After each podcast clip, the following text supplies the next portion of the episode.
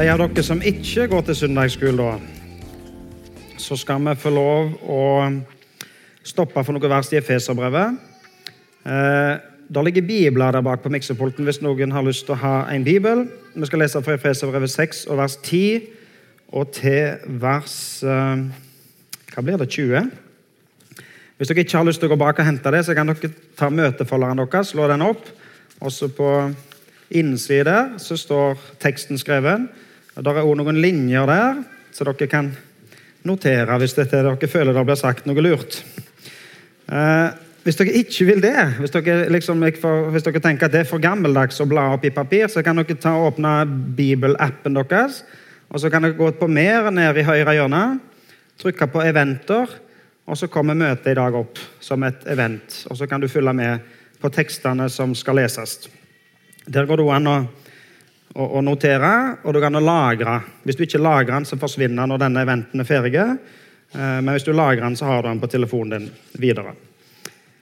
Eh, vi lager de eventene på, på Bibelappen til hvert møte, sånn at fem dager før møtet så dukker den opp hvis dere har lyst til å, å se hva som skal være på møtet. Men den kommer altså ikke før fem dager før, så du må ikke lete til neste møte nå. Uansett, vi skal lese i lag fra Efeserbrevet 6, og fra vers 10 og til vers 20. Og vi er jo nå denne høsten begynte i august, så er vi i det temaet som har kalt for 'Bli sterke i Herren'. Det er fordi at Den første setningen i disse versene sier nettopp det. 'Bli sterke i Herren'. Og så er vi kommet i dag til det som det står spesifikt om i vers 14, om sannhetens belte. Vi skal likevel lese hele teksten for å få, for å få sammenhengen. La oss lese fra Efeserbrevet 6, og vers 10-20. Til slutt Bli sterke i Herren, i Hans veldige kraft. Ta på Guds fulle rustning, så dere kan stå dere mot djevelens listige knep. For vår kamp er ikke mot kjøtt og blod, men mot makter og åndskrefter, mot verdens herskere i dette mørket, mot ondskapens ånde her i himmelrommet. Ta derfor på Guds fulle rustning, så dere kan gjøre motstand på den onde dag og bli stående etter å ha overvunnet alt. Stå da fast, spenn sannhetens belte rundt livet og kle dere i rettferdighetens brynje. Stå klar med fredens evangelium som sko på føttene. Hold alltid troens skjold høyt. Med det kan dere slukke alle den ondes brennende piler. Ta imot frelsens hjelm og åndens sverd, som er Guds ord. Gjør dette i bønn og legg alt fram for Gud. Be alltid i Ånden. Våk og hold ut i bønn for alle de hellige, også for meg. Be om at de rette ordene må bli gitt meg når jeg skal tale, så jeg frimodig kan gjøre, mitt, gjøre evangeliets mysterium kjent. Det som jeg har sendebud for, også mens jeg er i lenker. Be om at jeg ved evangeliet får frimodighet til å tale slik jeg skal. Nå har vi lest denne teksten på, på to møter før, og vi skal i grunn lese denne teksten på, på alle eh, forsamlingsmøtene nå i høst. Og så skal vi ta for oss de ulike delene av det som er kalt for Guds fulle rustning. her. Og det er jo klart, For mange av dere som sitter her inne, så har dere, ja, dere hørt de på de to foregående møtene. og dere har helt sikkert mange av dere hørt de tidligere. Dere har gjerne til og med lest de sjøl mange ganger og, og hørt taler og undervisning om disse versene. Og Det er jo viktige vers. Det er gode vers. Det er mye trøst og mye visdom i disse versene. Men tenk deg, tenk deg om du skulle lest og forklart disse versene til en som aldri har hørt dem før. En som aldri har lest i Bibelen før. En som ikke er vant med å gå på, på møte eller gudstjeneste, høre undervisning eh, om disse versene. Tenk deg en gjennomsnitts nordmann eh, i et norsk samfunn som aldri har hørt dette før. Og så, og så forteller du vedkommende om Guds fulle rustning. Stå dere mot djevelens listige knep. Vår kamp er ikke mot kjøtt og blod, vår kamp er mot makter og åndskrefter, mot verdens herskere i dette mørket, ondskapens ånde her i himmelrommet. Hva tror du da den vedkommende som du hadde lest og prøvd å forklare disse versene for, hadde tenkt? eller spurt deg om. Hva språk er dette? Hva ord er dette? Hva, sammenheng står dette i? Guds fulle rustning, djevelens listige knep, ondskapens ånde her, makter og åndskrefter. Hva i all verden betyr dette? Og kan jo til og med hende at I den samtalen så hadde du fått spørsmålet tror du på dette.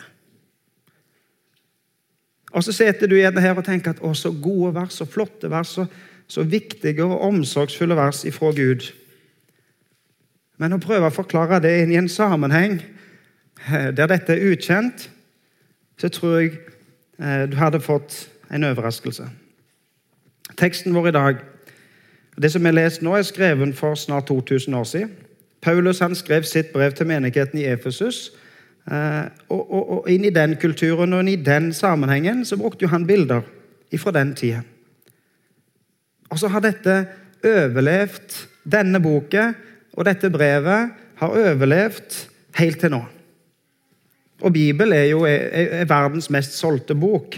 Altså Uten tvil, hvis du ser på en statistikk over de, de 50 siste årene over, over, verdens mest solgte bok, så er det ingen som kommer i nærheten av Bibelen. Men, men har denne boken fremdeles noe å si til oss? Utvilsomt så var jo dette relevant for 2000 år siden. For de som leste disse versene i Efesus, og for Paulus som skrev dem. Hvis jeg reiser til Tanzania, der jeg har bodd i noen år, og, og, tar, og Ta disse versene med meg ut på landsbygda i Tanzania og lese om djevelens listige knep, om ondskapens ånde her, og makter og myndigheter til en tanzanianer i 2019, så taler det rett inn i hans hverdag. Det er høyst relevant. Men en nordmann i 2019, en moderne nordmann, vil kanskje se ut som et spørsmålstegn. Hva betyr dette, da? Med åndskrefter og med djevelen og, og, og disse tingene som vi gjerne ikke forstår. Og Jeg skal være den første til å innrømme at jeg syns det er vanskelig å forklare. Jeg syns det er vanskelig å finne ord og finne språk og være konkret og forklare hva betyr dette i Norge i 2019. Hvis jeg tar deg med deg til Tanzania og møter han tanzanianeren som jeg snakket om, og hvis vi spør han tanzanianeren hva, hva betyr dette, så tror jeg at den tanzanianeren i plassen for gjerne å gi deg forklaringer, så hadde han gitt deg masse erfaringer. Ikke sikkert tanzanianeren heller hadde vært så, så flinke til å finne ord og forklaringer og logisk skal du si, tankemønster for, for å forklare dette. Men han hadde gitt deg masse erfaringer. Men vi er jo vant med i Norge å tenke at alt som vi opplever, kan forklares. Vi har jo svar på alt. Vi kan jo beskrive alt. Alt er jo logisk.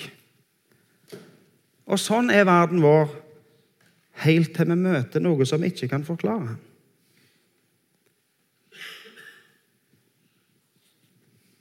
I møte med utfordringer i livet så søker vi hjelp. Og det er mye god hjelp å få. Men jeg vil likevel påstå jeg tror du kommer til å møte utfordringer, i livet som du ikke vil mestre. Som du ikke klarer å håndtere, og som du ikke kan forklare. Og så kan forklaringen være at det er tilfeldig, det kan skje alle, uflaks. Men uansett hva forklaringen er, så rammer det deg. Så må du forholde deg til det. Og så fins det hjelp. Heldigvis fins det hjelp. Og det fins mye god hjelp i, et norsk samfunn i 2019. Skal jeg prøve å forklare noe som jeg håper klarer, som jeg håper klarer å forklare? Altså, Det å få hjelp løser ikke nødvendigvis problemet. Altså, I beste fall så kan du klare å leve med problemet. Leve med utfordringen. Håndtere utfordringen. Vi lever jo i et fantastisk samfunn, et velfungerende samfunn som, som, som kan håndtere de fleste problemer, egentlig. Men selv om du klarer å håndtere problemet, så vil jo ikke det si at du klarer å forklare eller å ta vekk forklaringen eller kjernen til problemet. Om du skulle være så heldig at du klarer å surfe gjennom dette livet uten å møte en eneste utfordring, så vil det en dag for alle mennesker komme en utfordring som du ikke klarer å håndtere. En dag så vil det livet sånn som du kjenner det her på jord, ta slutt. Og du finner aldri en kur for det problemet. Og Så er spørsmålet fins det mer i denne verden enn det vi kan forklare. Er det noe som er større enn en, en bare det som vi ser? Hvorfor snakker Bibelen om denne kampen og, og, og, og om denne rustningen? Når Paulus skriver dette, så sitter han i fengsel. Og, Paulus opplevde jo å måtte kjempe for å være en kristen. Han var jo i en kamp. Han ble forfulgt, han ble fengsla, torturert, han ble jo til og med drept til slutt. Og Det er jo ingen problem for oss å forstå at Paulus opplever dette som en kamp, og at han skriver om dette som en kamp. Martin Luther, som var redskap for reformasjon og på en måte den åndelige fornyelsen i, kirka på den tid, han ble jo forfulgt. Han ble lyst i bann. Han måtte flykte, han møtte motstand. Og Han beskriver jo denne kampen. Og Martin Luther beskriver den kampen som foregår på innsida av han sjøl, om det som han kaller for anfektelse. Om tanker om at ja, men dette kan jo ikke være rett. Kan jeg være den eneste som har funnet ut hva som er sant? Hele resten av, av den katolske kirka på den tida jobbet jo mot han.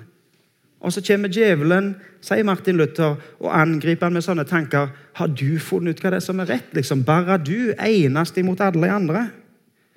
Og Hvis du besøker eh, det som, det som var arbeidsrommet hans eh, på, på, på, i Wartburg, der som han flykta og satt innesperra, eh, så, så, vil de vise deg en liten flekk på veggen der Martin Luther visstnok skal ha kasta heve blekkhuset etter djevelen og sagt 'flykt ifra meg' når djevelen kommer angriper han med sånne tanker.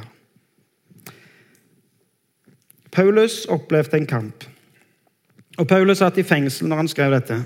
Han var omgitt av romerske soldater, og de romerske soldatene gikk nok i rustning. Ikke sikkert de gikk i full rustning nettopp akkurat der og da eh, i fengselet, men de gikk iallfall i en bekledning som, som, en soldat. Og det å se en soldat i rustning var noe som Paulus og de på hans tid hadde sett. Det er jo klart For en soldat så vil det være idiotisk å gå på jobb uten å ta på seg de rette klærne. Å gå i kamp vil jo være livsfarlig uten rustning. Det vil være livsfarlig for soldaten sjøl, og han vil jo sette hele hæren i livsfare egentlig, hvis han går i kamp uten rustning. Og Så bruker Paulus dette bildet eh, når han skal beskrive kristenlivet. Og så tenker jeg parentes, du, du, må ikke nå se føre deg en sånn, en sånn følelsesløse krigshelt fra en 90-tallsfilm. en sånn, sånn Rambo-film eller Terminator-film. eller noe sånt. Det er på en måte ikke en sånn eh, det er ikke en, en, figur som elsker krig for krigen sin del. En sånn soldat må du ikke se for deg. Og så må du heller ikke se for deg en slags superhelt som kan fly og gjøre hva som helst, bare han får på seg det rette kostymet. Ikke en sånn soldat heller, eller en sånn rustning må du heller se for deg. Men en soldat på den tid, og en soldat egentlig sånn som, sånn som en soldat bør være, er jo en soldat som ofrer seg for landet sitt, for folket sitt, for kongen sin. Og idealet var en som, som ikledd rustning gjorde tjeneste med hjertet mer enn med musklene. Altså, Tenk på, på ridderen som redder prinsessa i eventyret. Altså, Ridderen kan jo kjempe imot alt for å kunne befri denne prinsessa. Kan, kan kjempe mot drager osv. Og, eh, og han er jo uovervinnelig. Men når, når, han har vunnet seieren, derfor, når, han har, når han har fått prinsessa, så setter han seg ned med gitaren og, og dikter, dikter kjærlighetssang til prinsessa. Så er det på en måte en, en soldat som kjemper i rustning med hjertet. Og soldaten kjemper jo heller ikke alene. Soldaten kjemper ikke en solokamp for egne interesser. Altså I en hær så har hæren styrke når de står i sammen. Og hæren har styrke når de samla sett eh, under kommando gjøre det som generalen gir ordre om. Fordi at generalen vet best. Soldaten vil bare se sin del av virkeligheten. Men generalen har overblikket, ser kampen, ser hele bildet. Og så kjemper soldaten i en hær for fellesskapet under kommando av en som ser mer. Jeg har, jeg har litt erfaring med å være, være ledsager for en som er blind. Og når jeg ledsager han som er blind, så må jeg være øynene hans. Og så må han stole på meg. Når jeg sier stopp, så må han stoppe uten å spørre hva for. Han trenger ingen forklaring, han bare stopper. Han kan jo godt få forklaringen etterpå, men hvis jeg skal forklare først, så vil det være for seint å stoppe. Da har han gått for langt og gått ut i veien eller gått over kanten. Gud er ikke en tyrann som leder uten tanke for ditt beste. Altså, Gud elsker ikke at du må stå i en kamp. Men Gud leder deg med omsorg og med omtanke til det beste for deg. Og Samtidig så har Gud overblikket. Gud har mer informasjon enn deg. Og du gjør klokt i å lytte til Han, selv om du ikke forstår der og da. Og så må vi huske på at Gud leder et fellesskap. Gud leder en hel hær, hvis du skal bruke bildet om soldaten. Og han har overblikket. Han vet hva som skjer totalt sett. Så blir bildet vårt at livet er en kamp, og det er mange angrep. Og For at du skal kunne stå sterkt og bli sterke, eh, så tilbyr Gud en rustning. I Lukas 24 så kan vi lese om når Jesus gir disiplene oppdrag om å være hans vitner i denne verden. Og I Lukas 24, vers 49 så sier Jesus at dere blir ikledd kraft dere blir ikledd kraft fra det høye. Og på pinsedag så oppfylles dette, disse versene. Og disiplene blir ikledd kraft fra det høye. De får Den hellige ånd. De får en guddommelig utrustning og blir ikledd kraft fra det høye. Så sier da versene våre om at vi skal spenne sannhetens belte rundt livet. Spenn sannhetens belte rundt livet. Noen kapitler tidligere i Efeserbrevet så har, så har Paulus brukt, snakket om sannheten. Og I Efeserbrevet 4,15 så står det at vi skal være tro mot sannheten i kjærlighet. Å være tro mot sannheten i kjærlighet. Idealet er å være sann. Idealet er å snakke sant, å leve sant og leve rett. Men et liv i sannhet leves i kjærlighet. For kjærlighetens natur er å være sann, er å være ekte, å være ærlig, ikke være falsk eller fare med løgner. Tro mot sannheten i kjærlighet. Jesus snakker om sannheten i Johannes 8. Og I Johannes 8, 32 så sa han dere skal kjenne sannheten, og sannheten skal gjøre dere fri. Da skal dere kjenne sannheten, og sannheten skal gjøre dere fri. Hvordan blir du kjent med å kjenne sannheten, sto det her. Hvordan blir du kjent med en person, f.eks.? Det er jo klart Du kan lese om en person, du kan studere om en person, du kan, du kan lese om en biografi om en person som du, som du kanskje aldri har møtt. Og du kan få mye kunnskap om denne personen. Men hvis du aldri har møtt vedkommende, aldri har brukt tid i lag med vedkommende, vil du da si at du kjenner denne personen? Jeg sa jo at jeg har bodd noen år i Tanzania. og Før før vi reiste til Tanzania, så studerte vi masse språk og kultur. Vi prøvde å lære oss swahili, som er det språket som de snakker i Tanzania. Og så prøvde vi å lære oss litt om, om kulturen, om hvordan de lever i Tanzania.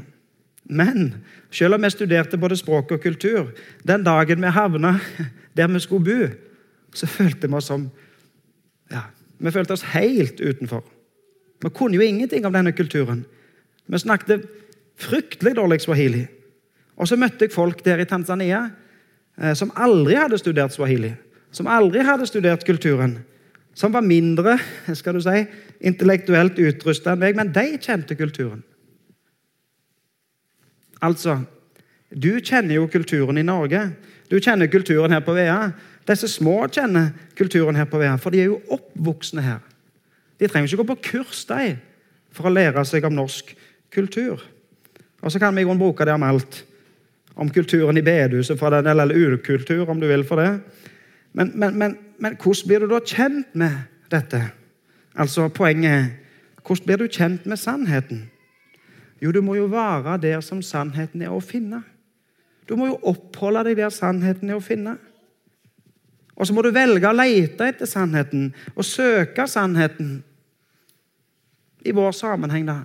Vi må jo velge å komme her for å høre. Vi må jo velge å åpne denne boken for å lese i Bibelen. Velge å høre undervisning. Og så vil du bli kjent med. Og når du blir kjent med sannheten, så kan du jo avgjøre om denne sannheten er, er sannhet. En jeg kjenner, fortalte om en kamerat. og Han jeg kjenner, utfordra kameraten sin eh, til å lese Bibelen. Han hadde aldri lest Bibelen, og han trodde ikke på dette. Og Så utfordra min kamerat sin kamerat om å lese, og så, og så tok han ham på ordet og så leste han Bibelen. Og når han kom tilbake igjen og skulle fortelle om, om, sin erfaring med det, så sa han jeg leste denne boken. sa han. Men det som var merkelig, var at det, det føltes egentlig mer som om boken leste meg. For Bibelen er sånn. Altså, du kan prøve å lese denne boken for å finne ut hva som er sant, og eventuelt hva som ikke er sant i Bibelen. Men så opplever du at denne boken i plassen for 'lese deg'. Og Denne boken har en evne til å finne ut hva som er sant om deg, mens du leser. Spenn sannhetens belte rundt livet. Et belte er jo egentlig ikke en del av rustningen. Det er jo klart Du kan ikke gå i kamp med, med kun belte. for å si Det sånn. Altså, det er jo ikke belte som, som avverger angrep eller som stopper piler. Altså. Men beltet holder alt på plass. Og så tror jeg jeg må si bitte litt om bekledningen på den tida. For på den tida eh, så gikk ikke eh, soldater, eller Rambo om du vil, rundt i, i, i formsudde tights med, med bombesikkert materiale. Men, men, men soldaten på den tida, eller folk på den tida hadde på seg en en tunika, som det heter, som var et løst, ganske løst kjortelignende kjortellignende plagg, som, som, hvis du skulle drive med idrett eller kamp, da, det, så måtte denne holdes på plass og bindes opp. For først når denne holdes på plass, så kan resten av rustningen sitte. Og så holder beltet sammen bekledningen og rustningen. Altså Sannhetens belte er til for å holde ting på plass. Hvordan holder vi ting på plass? Har du noen gang har du noen gang løyet for, for, å dekke over? Har du noen gang løyet for å pynte på sannheten? Det kan hende at du til og med har gjort det med gode intensjoner og til og med i kjærlighet fordi at du tenkte det var det beste. Og Så ble det ei løgn her og ei løgn der, og så, og så blir det utrolig krevende å balansere og finne ut hva har jeg sagt til den, og hva har jeg ikke sagt til den, og hvordan skal jeg oppføre meg nå. Og så er det utrolig vanskelig å holde tunga beint i munnen. For dette en vikler seg inn i et mønster som en kanskje ikke klarer å komme seg ut av. Og, og for å bli i bildet så kledene flagrer rundt deg. Uten belte. Ta belte på deg. Sannheten.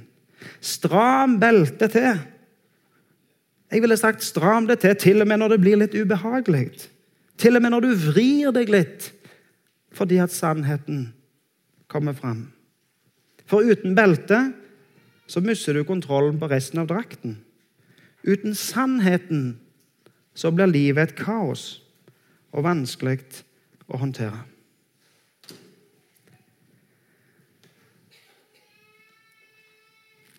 Bibelen gir oss sannheten. Guds ord gir oss sannheten om tre ting, som jeg skal nevne sånn til slutt. Avslutningsvis.